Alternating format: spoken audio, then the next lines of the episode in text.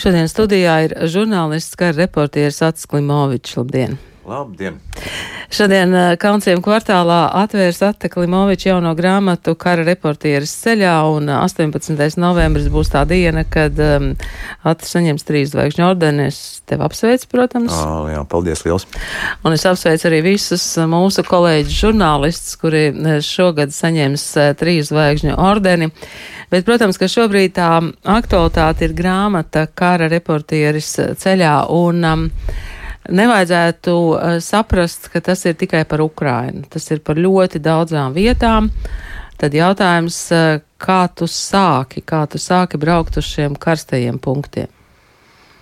Um, tā, nu, pirm, pirmkārt, jā, es gribēju teikt par to kara reportieri. Ja? Um, nu, es uh, tā ļoti skaļi nu, negribētu lietot tieši kara reportieris, jo nu, teiksim, uh, tās kara situācijas var būt tādas ka, teiksim, kā reportieris brauc un tiešām nu, tur ir tāds uh, militārs apdraudējums.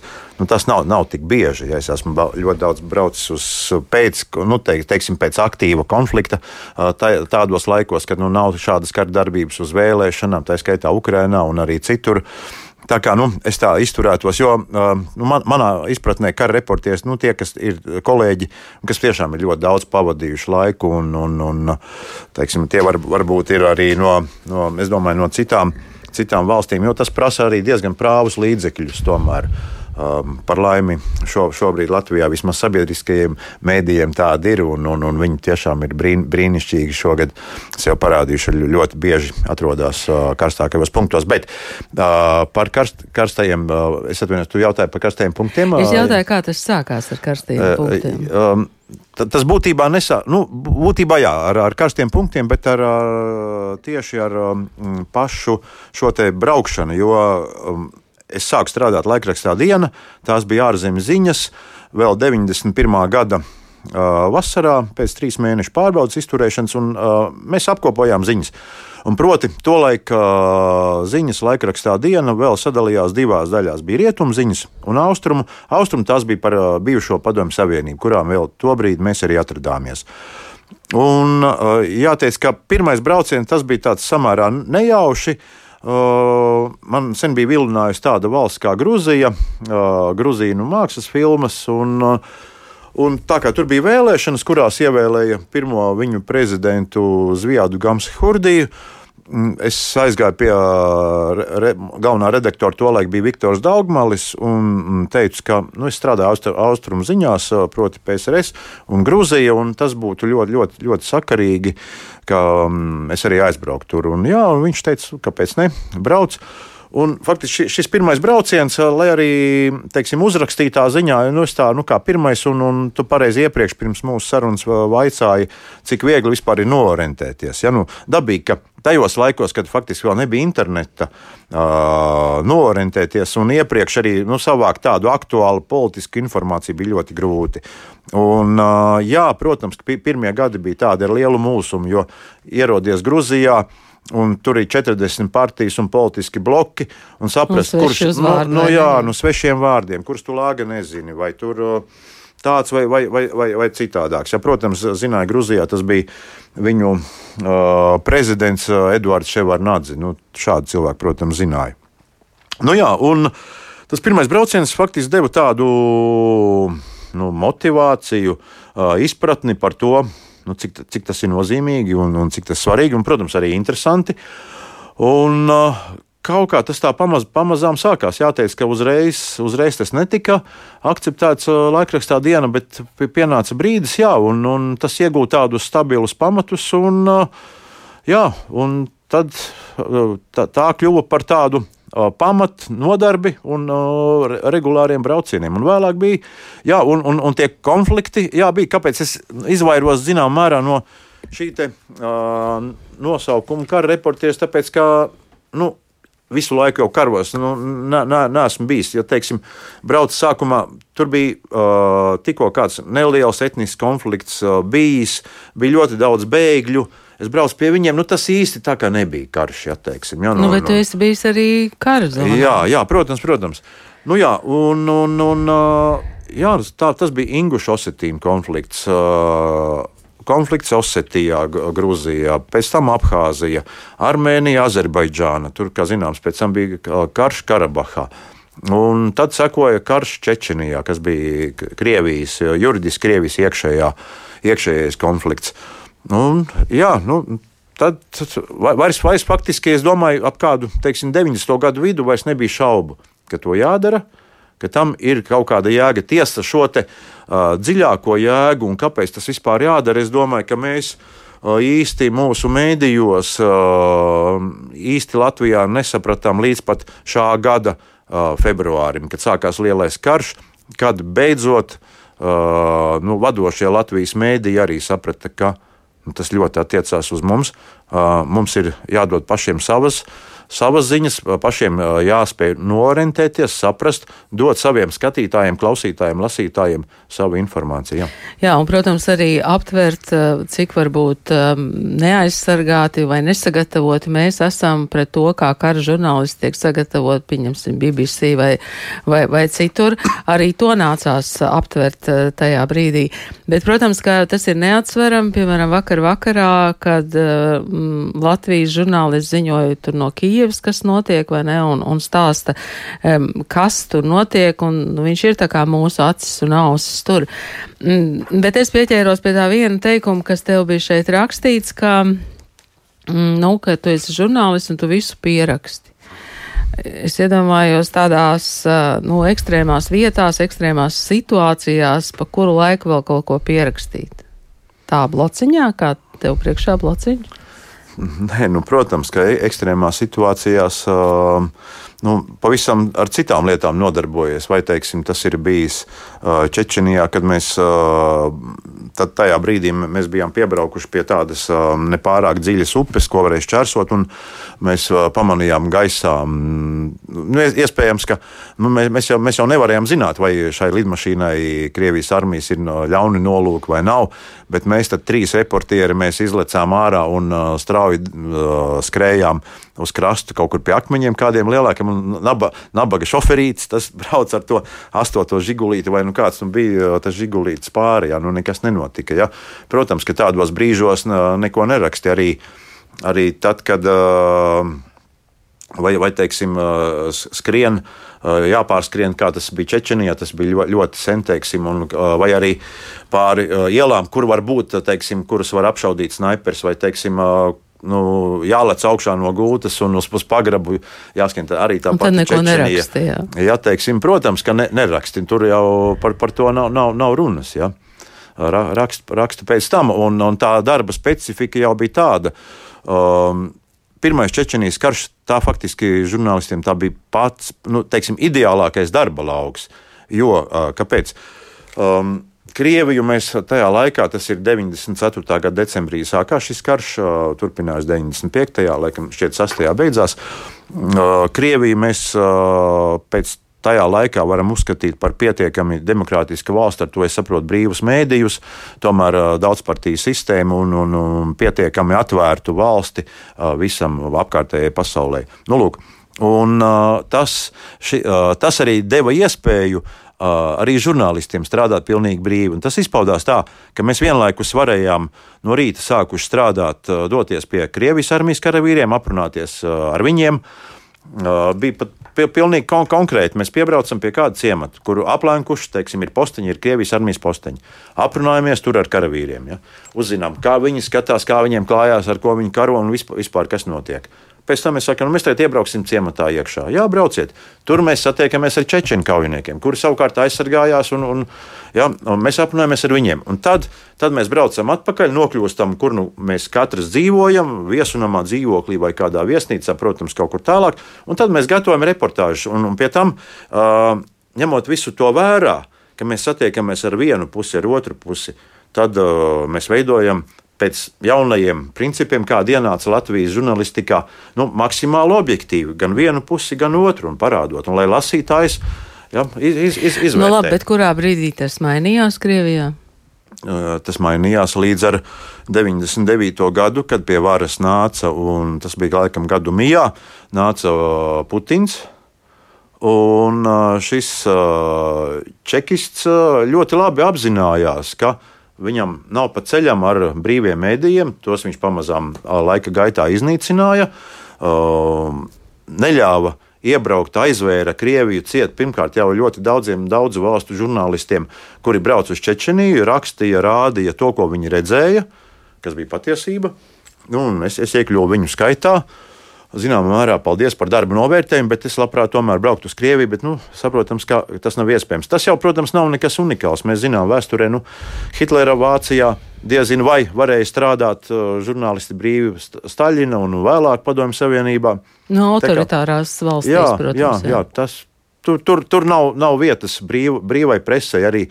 Un, un, un arī es domāju, šobrīd arī teiksim, tādā valstī kā Baltkrievija, ja, kur, kur uh, reiz 2000. gadā Baltkrievu robežsargu virsnieks uzzinājis, ka es esmu žurnālists un rakstu to, ko es redzu Baltkrievijā. Mums šķiroties, viņš teica šādus vārdus, un vispār tādus, ka tevi vajadzētu nošaut. Mm -hmm. ja, tā. Labi, ka tikai teica, vai ne? Jā. nu, viņam nebija tāda iespēja tobrīd. Jā. Kurā brīdī tu aizbrauc uz Ukrajinu? Nu, Ukraiņu stāsts ir sens. Šķiet, ka nu, nu, pirmais bija 94. bet būtībā uh, laikrakstam diena. Uh, Es regulāri ceļoju kopš 97. gada. Un, jā, nu man tiešām ir, ir veicies, ka nu, pirmkārt jau savas iniciatīvas vadīts, es esmu spējis uz turieni doties katru gadu, un par šo gadu vispār nerunāsim, jo šogad jau ir būt, būt septiņas reizes Ukrajinā. Tā tad nu, un, un jau, jau ir vairāki gadi pagājuši kopš es noķēru sevi, ka es faktiski arī saprotu, ko ukrāņi runā. Ja? Nu, nu, tā nav varbūt priekš mums pati sarežģītākā valoda no tiem, kas pārvalda krievu, krievu valodu. Bet uh, to, tomēr nu, ir, ir, nu, tā nav, ka var aizbraukt tie, kas nu, nekad nav dzirdējuši un uzreiz visu sapratīs. Ja? Un, uh, es šobrīd jā, es esmu jūtos ļoti gandarīts, ka tas tā ir bijis. Ka, uh, man ir bijusi iespēja braukt, apceļot ar, ar auto, tā skaitā Krīmu, Donbasu, nu, nu, Karpatus, un, un, un Ziemeļus, un Vidieni, Poltavu un, un tā tālāk. Ja. Um, un tas, tas, manuprāt, ir ļoti, ļoti, ļoti daudz devis. Un tad, kad man jautā kāds, uh, kā var Uh, nu, saprast, kaut kur noorientēties. Un tad es saku, nu, tas nu, kā, nu, daļēji, daļēji pa jokam. Nu, ņemiet un brauciet uz šo valsti vairāk kā 20 gadus. Un tad varēsiet. Uh, laiku pa laikam kaut ko izlasiet par šo valsti. Un, un, un, un zvaniet kolēģiem, vēl kādiem ekspertiem. Nu, ticiet man, tad jūs kaut ko sapratīsiet. Ja? Nē, nu, Es domāju, ka teiksim, nu, nav 20 gadus. Es saku, jo šobrīd jau tie laiki ir pavisam citi ar internetu. Pie, pieejams ir tik daudz informācijas, ka Um, nu, Grūti apstrādāt. Teiksim, komentētājam Aivaram Ozoliņam nav jābrauc regulāri, ja, teiksim, vai Paulam Raucepam uz. Um, nu, jā, viņi, viņi acīm redzot spēja norantēties arī šeit. E, tas 24. E, februāris, ko mēs e, vienmēr pieminam kā tādu datumu, kad, kad viss nu, tā pavisam nopietni sākas, tomēr Ukraiņi jau saka, ka karš turpinājās, vai ne? To tu arī jūti, ka karš jau bija sācies 14. gadā.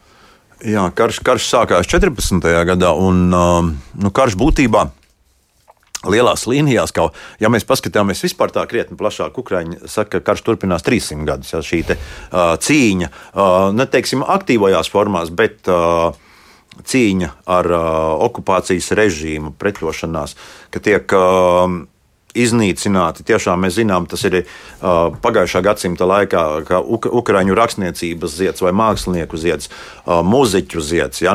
Uh, tas, tas, tas viss, nu, par ko tas liecina, tā, tā, ir, tā ir cīņa. Ja? Un, bet, ja mēs sašaurinām, jā, protams, viss sākās, manuprāt, ar to, ka tika lietoti šaujami ieroči Maidanā, proti 14. gada šķiet, tas bija februāris, kad cieņas revolūcija faktiski kulminēja un, un uzvarēja, kad tika lietot, manuprāt, vairāk kā simt cilvēki ja, tika nogalināti toreiz. Un, uh, es domāju, ka tas bija Maskavas pamudinājums Janukovičam šādi rīkoties. Uh, tad uzreiz faktiski sekoja notikumi Krimā. Uh, tas bija nākošais solis.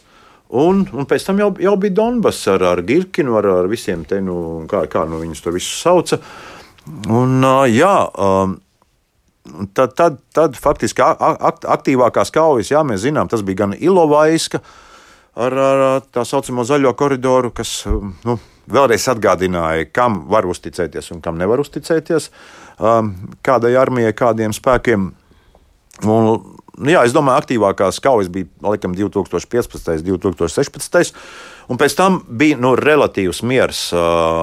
Šķiet, uh, 2021. gadā nu, varbūt bija nepilni simts ukraiņu karavīri, kas bija nogalināti gada laikā. Nu, tas bija nu, te, tāds, tāds mierīgais laiks. Ja? Nu, bet, bet karš turpinājās jau kopš 2014. Bet nu, tev bija tāda vai priekšnojauta vai, vai, vai prognoze, kad varētu atkal sākties pa īstam un, un faktiski kā tas viss varētu beigties Ukrainā? Ne, nu, Tā man ir grūti pateikt, teiksim, prognozēt, jo te jau mēs, mēs visi, visi, visi klausījāmies, visus brīdinājumus, vērojām šo spēku pievilkšanu pie robežas. Tagad gan mēs varam faktiski teikt, ka šādu spēku pievilkšanu, izvietošanu, koncentrēšanu, kādu mēs redzējām pirms 24. februāra, tad vajadzētu atcerēties līdzīgu spēku pie, pievilkšanu un pieviet, uh, novietošanu pie Grūzijas robežas 2008. gadā, uh, 1994. gadā pie Čečenijas robežas. Um, nu, mēs redzam, nu, tas nenotiek tā, tāpat un nenotiek gluži vienkārši. Gluži tāpat kā teiksim, privātā dzīvē, teiksim, um, ja tu gribētu būvēt māju. Ja, bet, teiksim, tu negribētu būvēt māju, bet uz iz, izvietotu kaut kur nu, ķieģeļus, visu, visu, visu savestu, bet nebūvētu. Ja? Nu, droši vien, ka tu tā nedarītu. Ja?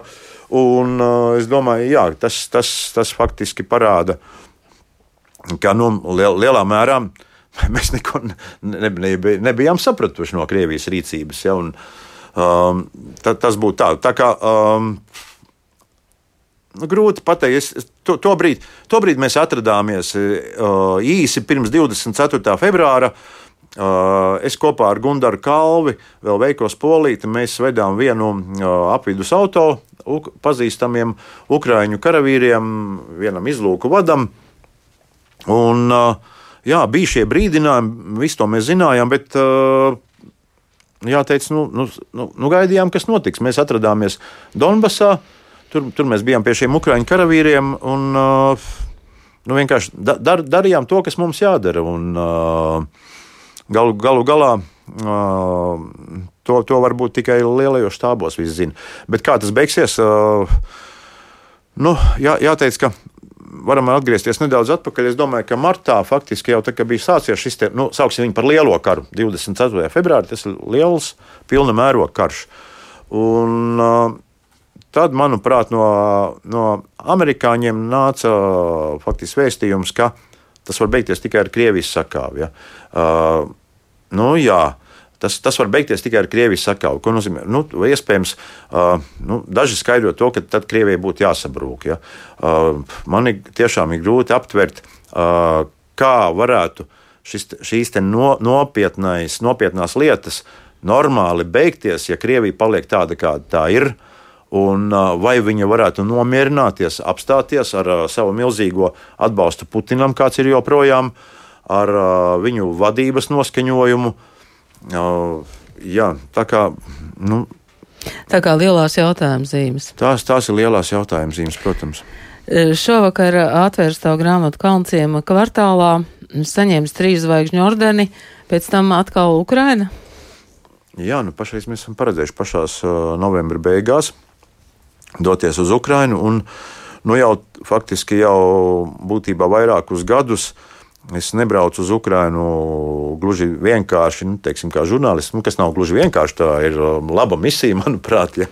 un, un, un, un in, in, interesants darbs, bet um, mēs vadām, vadām faktiski jau vairākus gadus arī. Nu, kādu palīdzību.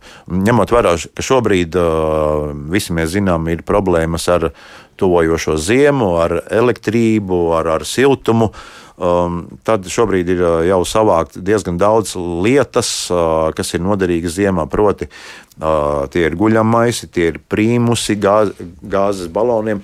Um, ar, ar kuru palīdzību cilvēki var pagatavot ēst siltu ēdienu vai uzvārīt siltu tēju. Arī iespējams ir apsolīti pāris ģeneratori, no, no, no, kur, no kur, kur zemes tie tiks atvesti. Un, tā kā tas, tas, tas, tas man, manuprāt, tas ir jādara, un, un, un, un tas ir jādara, kamēr, kamēr tiks Ukraiņi, kamēr Ukraiņi uzvarēs. Paldies par sarunu. Studijā bija Atis Klimovičs un tikko iznākusi dienas grāmatā, viņa grāmata Kara reportieris ceļā.